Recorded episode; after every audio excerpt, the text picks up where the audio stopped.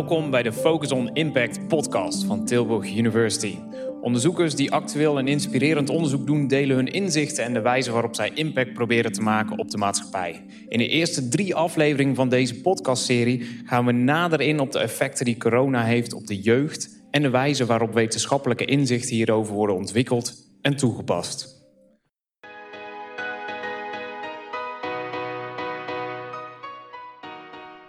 Goedemorgen kan ik zeggen, want op het moment dat we deze aflevering opnemen is het maandagochtend, zo'n beetje eerste werk. We zitten hier in eh, de Cube One op het terrein van Tilburg University. Wederom in een hele lege, ontzettend grote collegezaal. En dit keer ben ik, Rudy van Beurden, hier met Lian Smits, bestuurder bij Sterk Huis. En ook met Jolanda Matthijssen, senior onderzoeker verbonden aan Tilburg University. En we gaan verdiepend met elkaar in gesprek in deze podcastaflevering als vervolg op de webinar die we gezamenlijk hebben gedaan op 18 juni. Ook hier vanuit deze locatie. Jolande was per Zoom aanwezig over het overkoepelende thema Youth in Times of Corona.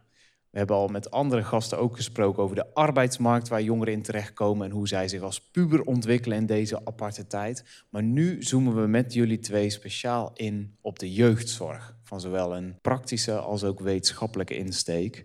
Maar wellicht is het goed dat jullie jezelf eventjes heel kort voorstellen. En laten we dan beginnen bij Lian, bestuurder bij Sterk Huis. Ja. Ja, ik ben Lian Smits, bestuurder bij Sterk Huis. En zijn organisatie uh, waar jeugdzorg, vrouwenhulpverlening en opvang van alleenstaande vluchtelingen de manieren zijn waarop we proberen bij te dragen aan de beste kansen voor ieder mens.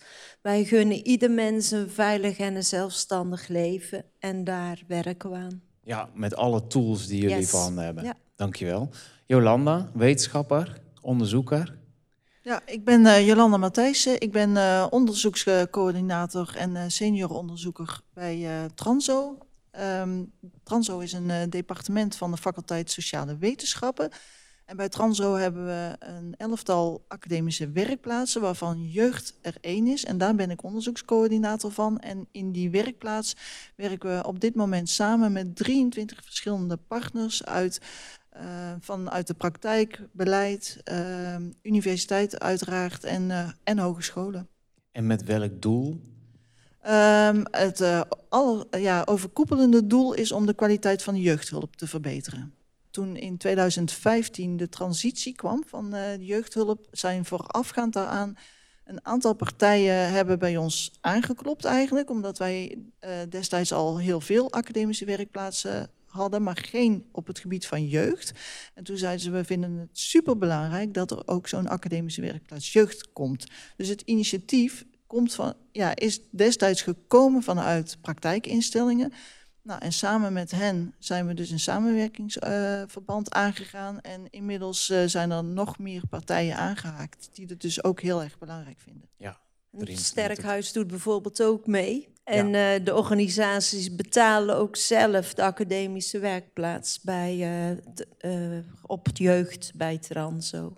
Ja, om dus, het onderzoek uit te ja, kunnen voeren. Ja. Dus dit is een perfecte illustratie, ook nu deze aflevering, um, ook vanuit de koken van het Impact Program van Tilburg University, waarin ze juist onderzoekers willen koppelen aan de praktijk om antwoorden te vinden op maatschappelijke uitdagingen. Ja, en uh, misschien nog wel even belangrijk uh, als, als aanvulling, hè, dat ik zeg van het komt vanuit de praktijk. Ook de vragen die wij oppakken komen vanuit de praktijk.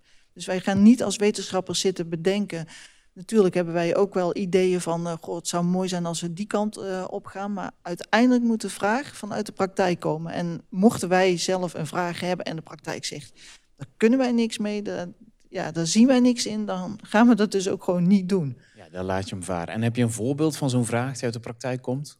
Um, nou ja, dat is dan een mooie vraag die ook vanuit uh, Sterk Huis komt. Um, zij waren heel erg benieuwd uh, hoe dat het nu gaat met uh, gezinnen die ooit uh, hulp hebben gehad vanuit Sterk Huis en ook vanuit de combinatie jeugdzorg. En eigenlijk is het wel raar om te bedenken dat we daar dus eigenlijk geen antwoord op kunnen geven. heel veel gezinnen komen in, in hulp en nou, die worden dus ook met de beste bedoeling geholpen. Maar eigenlijk weten we niet hoe het dan gaat met die gezinnen nadat ze weer uit eh, uit beeld zijn bij de hulpverlening. Omdat we, ehm, ja, dan, dan is het afgesloten en dan ga je nooit meer terugkijken van, eh, goh, hoe gaat het nu met jullie? Dan wo- worden ze niet meer bezocht, ze worden niet meer gemonitord, ze Nee, vullen en geen dan, dan vragenlijsten. hoop je dat het dus eh, gewoon goed met ze gaat. En van een aantal gezinnen weet je dat ze weer een keer terugkomen. Nou ja, dan weet je wel hoe het met die gezinnen gaat. Maar van heel veel gezinnen ja, weten we dat dus gewoon Het niet. is voor ons in de jeugdzorg ook wel een onderdeel van veel beter begrijpen van welke vraagstukken speelden er eigenlijk in dit gezin. Welke hulp hebben we geboden en hoe duurzaam was dat effect? Met bedoeling om er natuurlijk van te leren. Want het is niet zo dat iedere cliënt helemaal uniek is. Het zijn heel vaak combinaties van risicofactoren die veel meer voorkomen. En dan wil je natuurlijk ook graag het beste antwoord geven en het meest duurzame effect voor dat gezin voor elkaar krijgen. Ja. Wat wij dan doen, hè, zij hebben dan die vraag en wij gaan dan bij elkaar zitten en nou ja, bekijken hoe we dat dan zo goed mogelijk ehm, ja, met wetenschappelijk onderzoek daar een antwoord op kunnen vinden. Ja, precies. Want Lian, eh, vanuit Sterk Huis staan jullie ongeveer 250 personen bij, individuen of gezinnen, of, of, of nog veel meer, wat ik las aan informatie. Nou, de, die 250 eh, zal maar zeggen, mensen, dat zijn de mensen die wij eh, gedurende de coronatijd in Ah. 24 uur hulpverlening hadden. Bij Sterkhuis heb je op jaarbasis 1800 cliënten die nieuw komen en weer weggaan. Een soort Die doorstroom. roleren. Ja, en die 250 eh, mannen, vrouwen, kinderen, jongeren waren de kinderen, de, de mensen die bij ons ja, eh, gewoon thuis hadden in coronatijd. Dus het was ook helemaal geen item dat Sterkhuis dicht ging, want je kan niet tegen die mensen zeggen, ga maar weg. Nee, precies. Dus ja, die waren bij ons en die zijn gebleven en daar hebben we, ja, die hulpverlening is ook doorgegaan. Ja. Ja, die, die eh, fysieke hulpverlening wel, heel veel overleggen. Ja. Zijn jullie overgeschakeld ook naar online varianten Zeker. natuurlijk, voor een deel van het werk. Wat waren de grootste verschillen, juist in de coronatijd, voor jullie specifieke werk? Wat is jou opgevallen? De eerste weken was eigenlijk gewoon ook een soort schok. Maar wij hebben wel heel snel begrepen dat we, en dat was echt eh, binnen twee weken, dat we zeggen, maar we gaan met zoveel mogelijk door. Wat we gedaan hebben is natuurlijk waar de, de behandeling waar kinderen voor naar sterk huis komen, om gewoon alle richtlijnen van de RIVM ook echt te hanteren. Dus kinderen bij de voordeur afgeven als er in het. eh, dus dat hebben we natuurlijk allemaal aangepast. Mhm. En eh, verder zijn we wel, met name in de ambulante hulpverlening, heel erg met digitale manieren van hulpverlening begonnen. En eh, we deden al wel het een en ander aan e-help en eh, digitale hulpverlening. Maar nu zijn we natuurlijk ook de gesprekken veel meer met FaceTime of eh, met, als met gezin, met eh, Zoom mocht niet, die andere.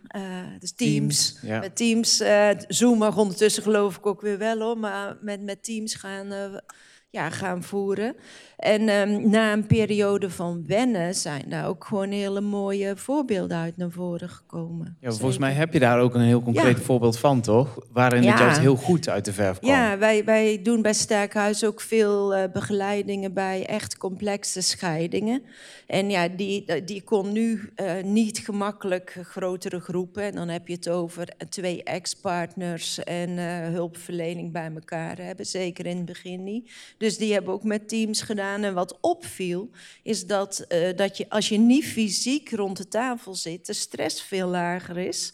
Waardoor de gesprekken over de belangen voor jouw kind en hoe ga je daar samen als ex-partners wel aan werken, dat er echt veel meer kansen bood. Dus dat is er een die we zeker erin gaan houden. Ja, Ja. juist om die Ja, gesprekken zeker. online Ja. te behouden. Ja, en dan later kan je fysiek, maar die aanvankelijk, die eerste gesprekken gaan met die fysieke afstand veel beter.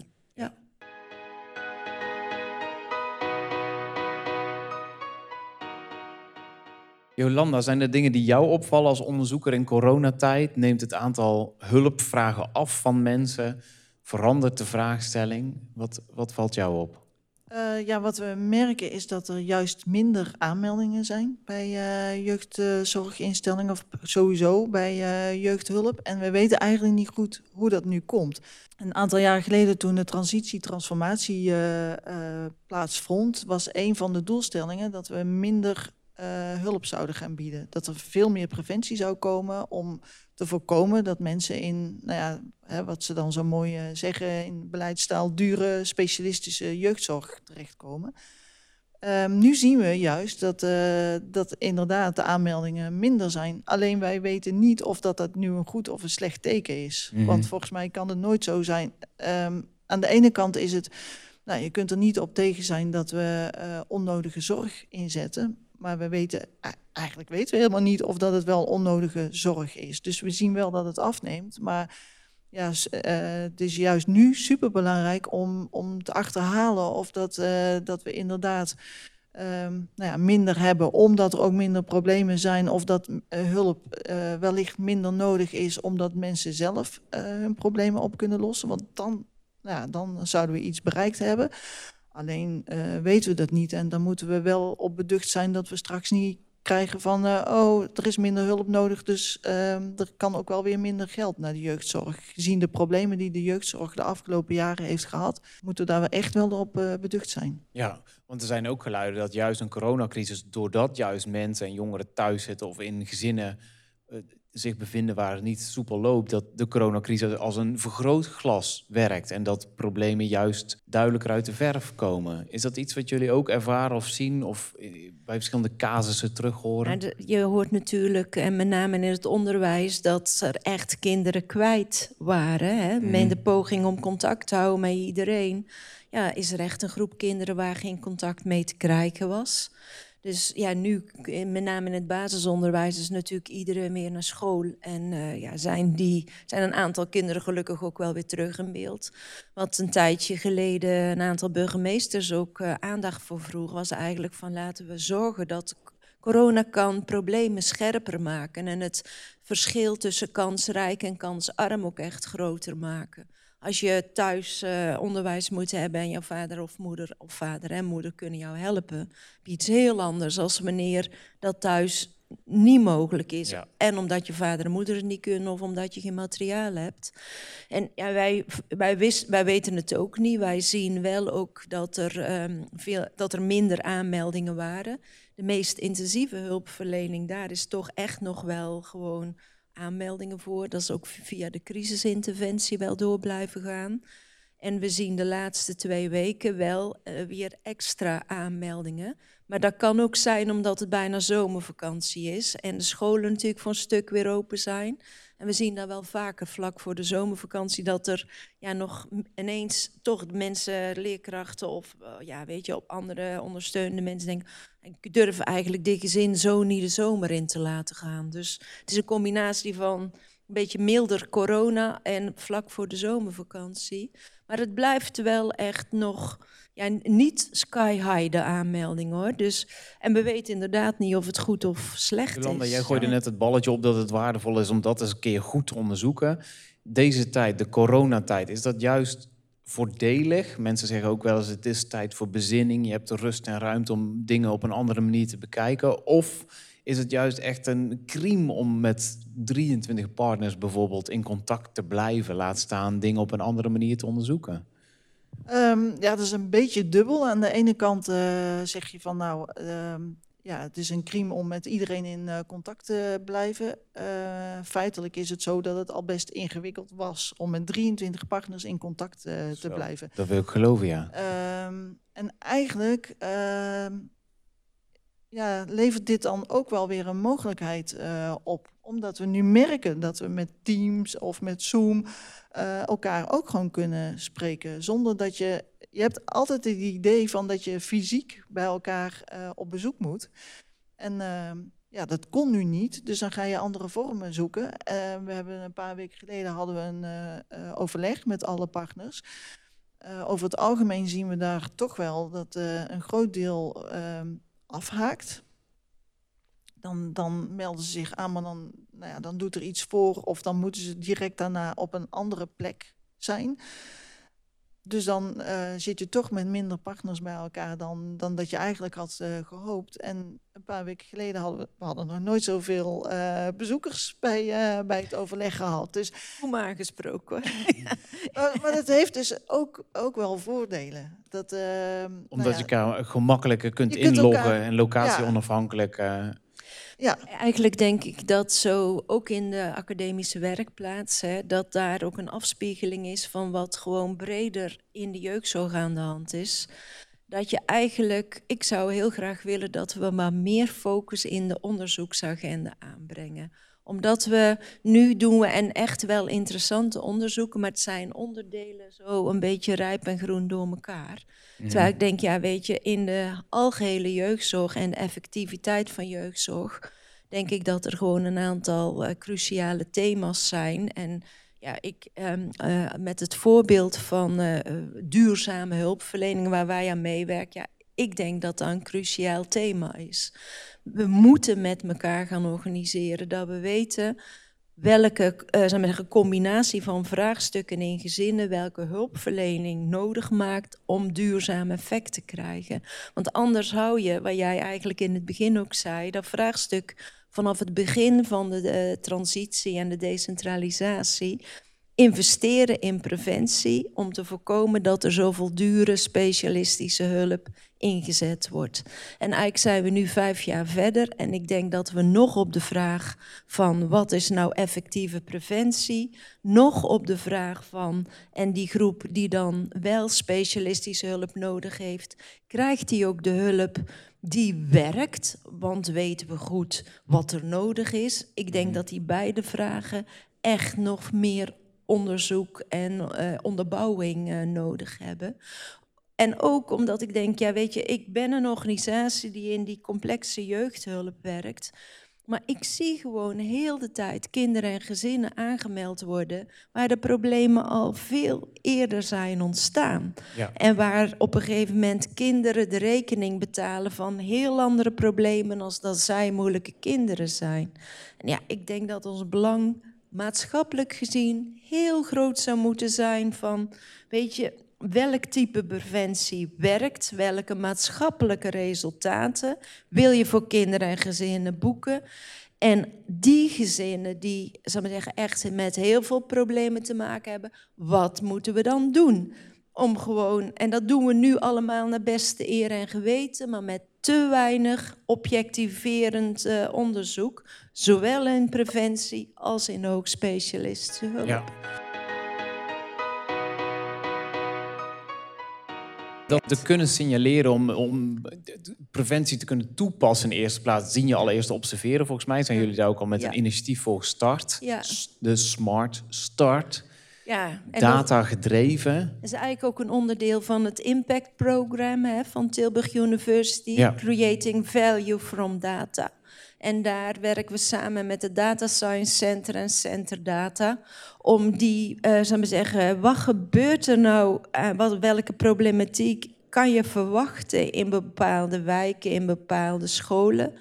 Om daar gewoon met dataonderzoek eh, kennis over te verwerven. Omdat je dan ook veel beter weet hoe je preventieve team, je kennisteam, samenwerkend op scholen en met huisartsen, eruit zou moeten zien. En eh, ja, dat is natuurlijk ehm, nieuw in die zin dat dan altijd de vraag komt, mag daar en ben je niet bezig met Ja, precies. Maar ja, weet je, we doen dat via alle regels der kunst. We doen dat met CBS microdata op een, ja, gewoon geaggregeerd niveau van een wijk. En ehm, verder is het vooral de bedoeling dat je een beetje de kleur van een wijk en daarmee de kleur van een school kan snappen. En je ook kan snappen, ja, maar weet je, wij willen dat vooral weten om eerder te zien en te weten hoe we kunnen helpen. Ja. Dus expliciet kijk je niet naar individuen, Nee, maar juist naar niet. het collectief op wijkniveau. Ja, het be- belang is ook eigenlijk dat we nu hebben wij de hulpverlening zo georganiseerd, die is individueel en probleemgestuurd. Ja. Hoogspecialistische hulp gaat vaak over zogenaamd één kind of één gezin. Ja, ja. Maar we moeten van individueel en probleemgestuurd naar collectief en preventief. Want dan kan je eigenlijk die maatschappelijke wankelere basis, die kan je gewoon helpen met hele reguliere hulp. We waren op een school waar heel veel taalachterstand is. En taalachterstand is heel belangrijk ook voor je sociaal-emotionele ontwikkeling, voor het vaardig zijn, om gewoon uh, ruzietjes uit te zoeken. Uh, gewoon, dat is echt cruciaal. Nou, dan Ja. kunnen we wachten tot al die kinderen eh, met achterstand en individuele logopedie, wat ook maar de helft van het verhaal is geholpen wordt. Of je kan denken, we weten dat taal en taalontwikkeling cruciaal is voor jou als kind in je algehele ontwikkeling. Laten we je gewoon voor, ier, voor heel die school een beetje extra taalstimulans doen. Geen enkel ke- kind lijdt daaronder. Mhm, En als meer als de helft daar plezier van heeft, nou die anderen hebben er geen last van. Precies. Dus echt gewoon collectief, preventief sterker maken in plaats van wachten tot de afgeleide van achterstand of de afgeleide van eh, niet goed weten hoe voor grote problemen gaat zorgen. Het is Ja. echt nog een wereld te winnen. En met zulke initiatieven verstevig je door een stimulerende omgeving creëren waar dus meerdere zeker. individuen, groepen jongeren Ja. baat bij hebben. Ja. Jolanda, jullie zijn ook bezig om die partijen met elkaar te bundelen. En jullie hebben recentelijk ook een initiatief gelanceerd, bramtool.nl. En dat ondersteunt professionals om, ja, wat, wat, wat doet het eigenlijk? Om, om beslissingen te nemen, om in de jeugdzorg hun weg te vinden, zo gezegd. Ehm, ja, dat was een vraag en die kwam eigenlijk juist in die tijd van eh, de transitie, transformatie, omdat de jeugdprofessionals toen een andere rol of een andere taak erbij kregen, omdat zij ehm, moesten bekijken of dat een gezin, een kind, ehm, al dan niet specialistische jeugdzorg nodig zou hebben of niet. Dus eigenlijk was een oorspronkelijke vraag, kunnen jullie ons helpen met een tool om te kijken wanneer moeten we nu gaan opschalen. Hè, wanneer kunnen wij het zelf nog eh, eh, behandelen, maar wanneer is nu het punt dat wij eh, op moeten gaan schalen. Dus wij, wij zijn samen met de jeugdprofessionals, het zijn twee docentonderzoekers van Avans die, die het onderzoek uitgevoerd hebben, samen met de jeugdprofessionals en ouders en studenten van, van de hogeschool. En eigenlijk gaandeweg kwamen ze erachter dat dat eigenlijk niet zozeer de vraag was. Want vaak voelen ze haar fijn aan wanneer, eh, wanneer het nodig is. Maar het ging veel meer om, wat is nou het precieze, wat is het juiste moment om te zeggen van oké, we sturen dit gezin nu door. Ehm, en, en gaandeweg veranderde de eh, vraagstelling ook wel. Dat ze zeiden, we lopen er veel meer tegenaan dat we eh, merken dat we het niet altijd met ouders eens zijn. En gezamenlijke besluitvorming is een van de thema's die we heel erg belangrijk vinden. Dat we samen met ouders gekeken wordt van wat is er nu nodig. Dus toen is ook de onderzoeksvraag een beetje eh, veranderd van hoe kunnen we jeugdprofessionals nu helpen op het moment dat ze merken dat het gewoon niet helemaal lekker loopt met eh, ouders. En, en die tool die eh, helpt die professionals soms samen met ouders om te kijken van waar zit het. Maar het kan ook als reflectietool voor de jeugdprofessional zelf gelden. Om te kijken van, hey, zit het er nu in dat wij het allebei over een ander soort probleem hebben? Eh, hebben we oneenigheid over de behandeling of is er iets anders aan de hand? Ze merken bijvoorbeeld heel vaak dat ouders Ehm, die weten al precies wat er speelt. Nou, logisch, hè, want er zijn problemen en ze weten ook wel eh, eh, wat voor probleem dat er is. Maar ze hebben soms ook al een oplossing. Omdat de buurvrouw die heeft gehad of omdat ze gegoogeld hebben. En dan komen ze en dan zeggen ze, ja, wij willen deze Deze behandelmethode hebben. oplossing. Ja. Ehm, eigenlijk een beetje hetzelfde als wat eh, huisartsen natuurlijk ook Ja, wel meemaken met, met patiënten. Nou ja, en dan moet je dus gaan kijken van, goh, waar, waar, waar zit het hem nou in? Want eigenlijk wil je dan eerst met die ouders afpellen van wat is er nu precies aan Ja, de hand. En is dan misschien een andere methode veel eh, geschikter. En die tool die helpt op een ja, gesystematiseerde manier om eh, professionals daarbij eh, te helpen. En, en omdat die dus gemaakt is samen met de professionals en ook met input van ouders, ja, hopen we ook dat die goed aansluit bij, uh, bij professionals. En in die zin is misschien de ontwikkeling die je in Tilburg hebt, ieder kind een goede start en toekomst. En daar werken ze met de kansencirkel, werken we met een kansencirkel. En eigenlijk is het de bedoeling dat je die standaard gebruikt bij alle scholen. Dus hoe gaat het met jou en met je kind wordt gewoon besproken aan de hand van altijd diezelfde onderwerpen, waar ook eigenlijk het vraagstuk in zit van dat hele leefgebied. En als je dat gewoon maakt, dat je het er altijd over hebt, hoef je niet die moeilijke hobbel te nemen om als het niet lekker gaat te gaan beginnen met we gaan eens praten met elkaar. En dat is eigenlijk ook een stuk van, het, van de ingewikkeldheid die je in die Bram-tool tegenkomt. Ja, wij moeten gewoon over die totale ontwikkeling gewoon praten. En als het dan moeilijk is, dan is het niet meer zo gek als er ook in een van die kansgebieden een hobbel zit waar je ja, ja, als het dan ter sprake komt. Ja. ja, dus gewoon dat we het erover hebben. En uh, in plaats van we gaan pas uh, rond de tafel als er al ellende is. Want dat doen we nu natuurlijk ook vaak. Hè? Ja, meer informatie over de Bram-tool is sowieso te vinden op bramtool.nl natuurlijk. Een soort van wegwijzer.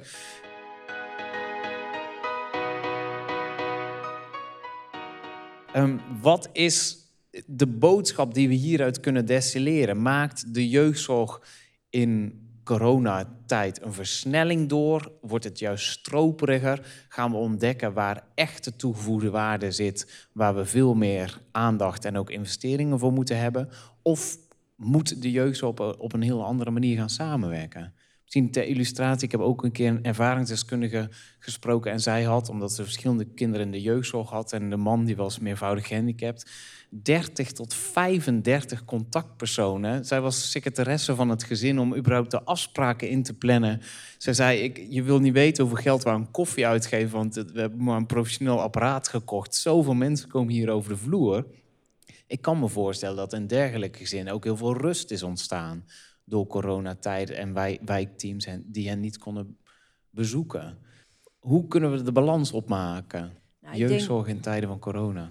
Ja, je hoopt dat uh, corona inderdaad het, uh, zeggen, een moment is van zinnige reflectie. En uh, het gezin wat jij net noemt, ja, natuurlijk is dat buitengewoon complex. Maar bijvoorbeeld les 1 die niet per se corona ons leert, maar die we in tijden van corona nog beter zouden moeten begrijpen, is dat je eigenlijk dat gezin waar jij het over hebt, daar kijken wij naar in kolommen van problemen. Vader heeft dit, moeder heeft dat, kind heeft dat, dat speelt ook nog, dat speelt ook nog. Mhm.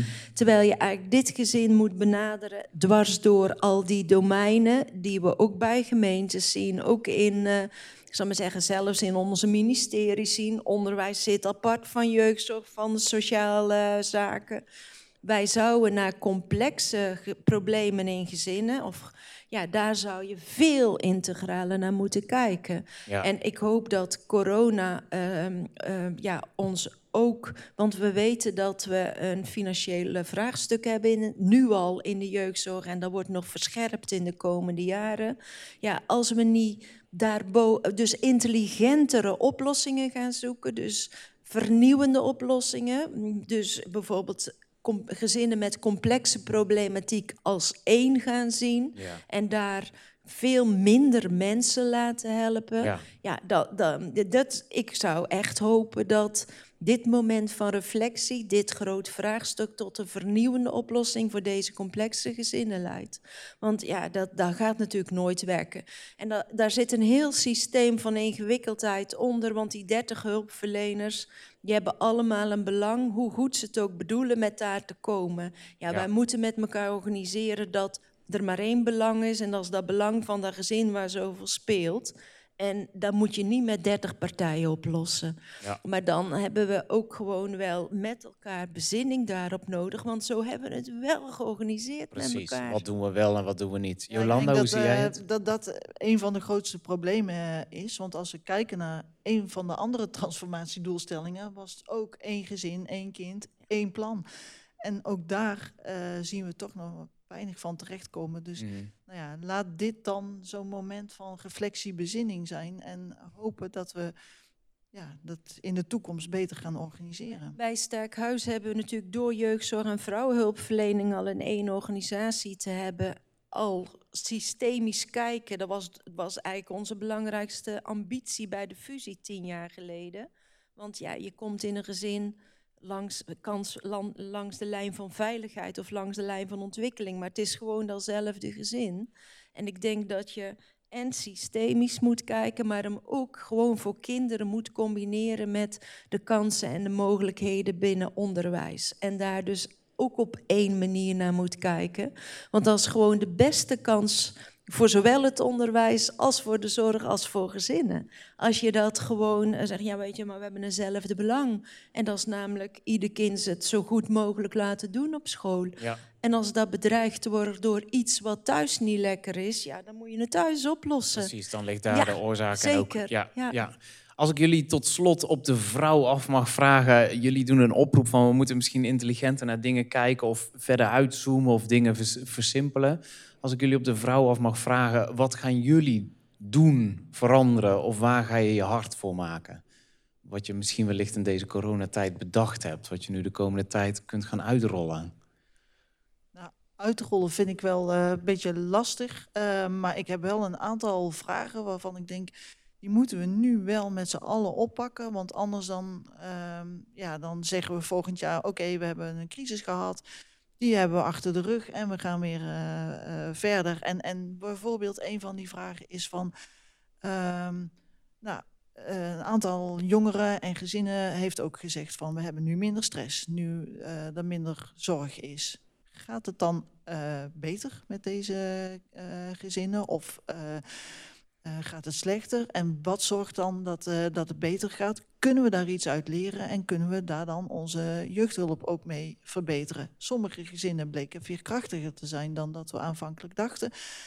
Kunnen we dat dan al uh, niet in een eerder stadium zien? Dus eigenlijk allerlei nou ja, vragen waarvan ik hoop dat we die de komende tijd gewoon verder op kunnen pakken en ook daadwerkelijk kunnen beantwoorden om ons algemene uh, doelstelling van het verbeteren van de kwaliteit van de jeugdhulp ook daadwerkelijk waar te kunnen maken. Ja, dus je wilt onderzoeken en je wilt weten waardoor die gezinnen in deze tijden juist veerkrachtiger waren. Ja, ja. En Lian? nou ja, weet je, ik, ik ga vasthouden dat ik denk, het ging in coronatijd over cruciale functies.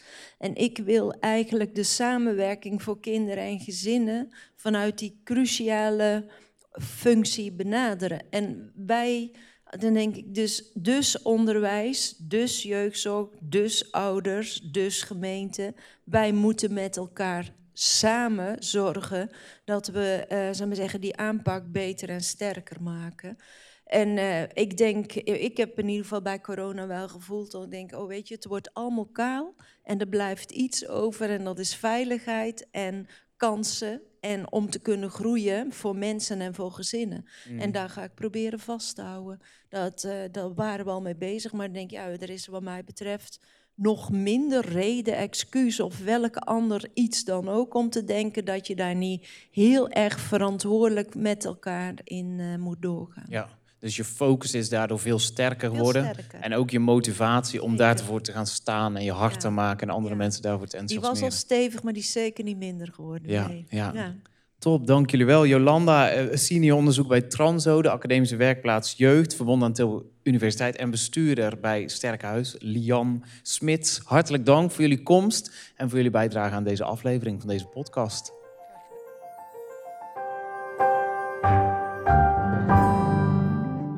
Vinden jullie dit nou interessant? Luister dan zeker ook terug de podcastaflevering met Ton Wildhagen, professor arbeidsmarkt van Tilburg University.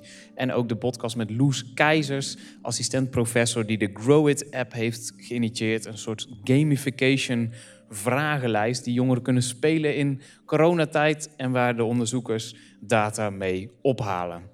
Mijn naam is Rudy van Beurden en dit was de derde podcastaflevering voor het Impact Program van Tilburg University.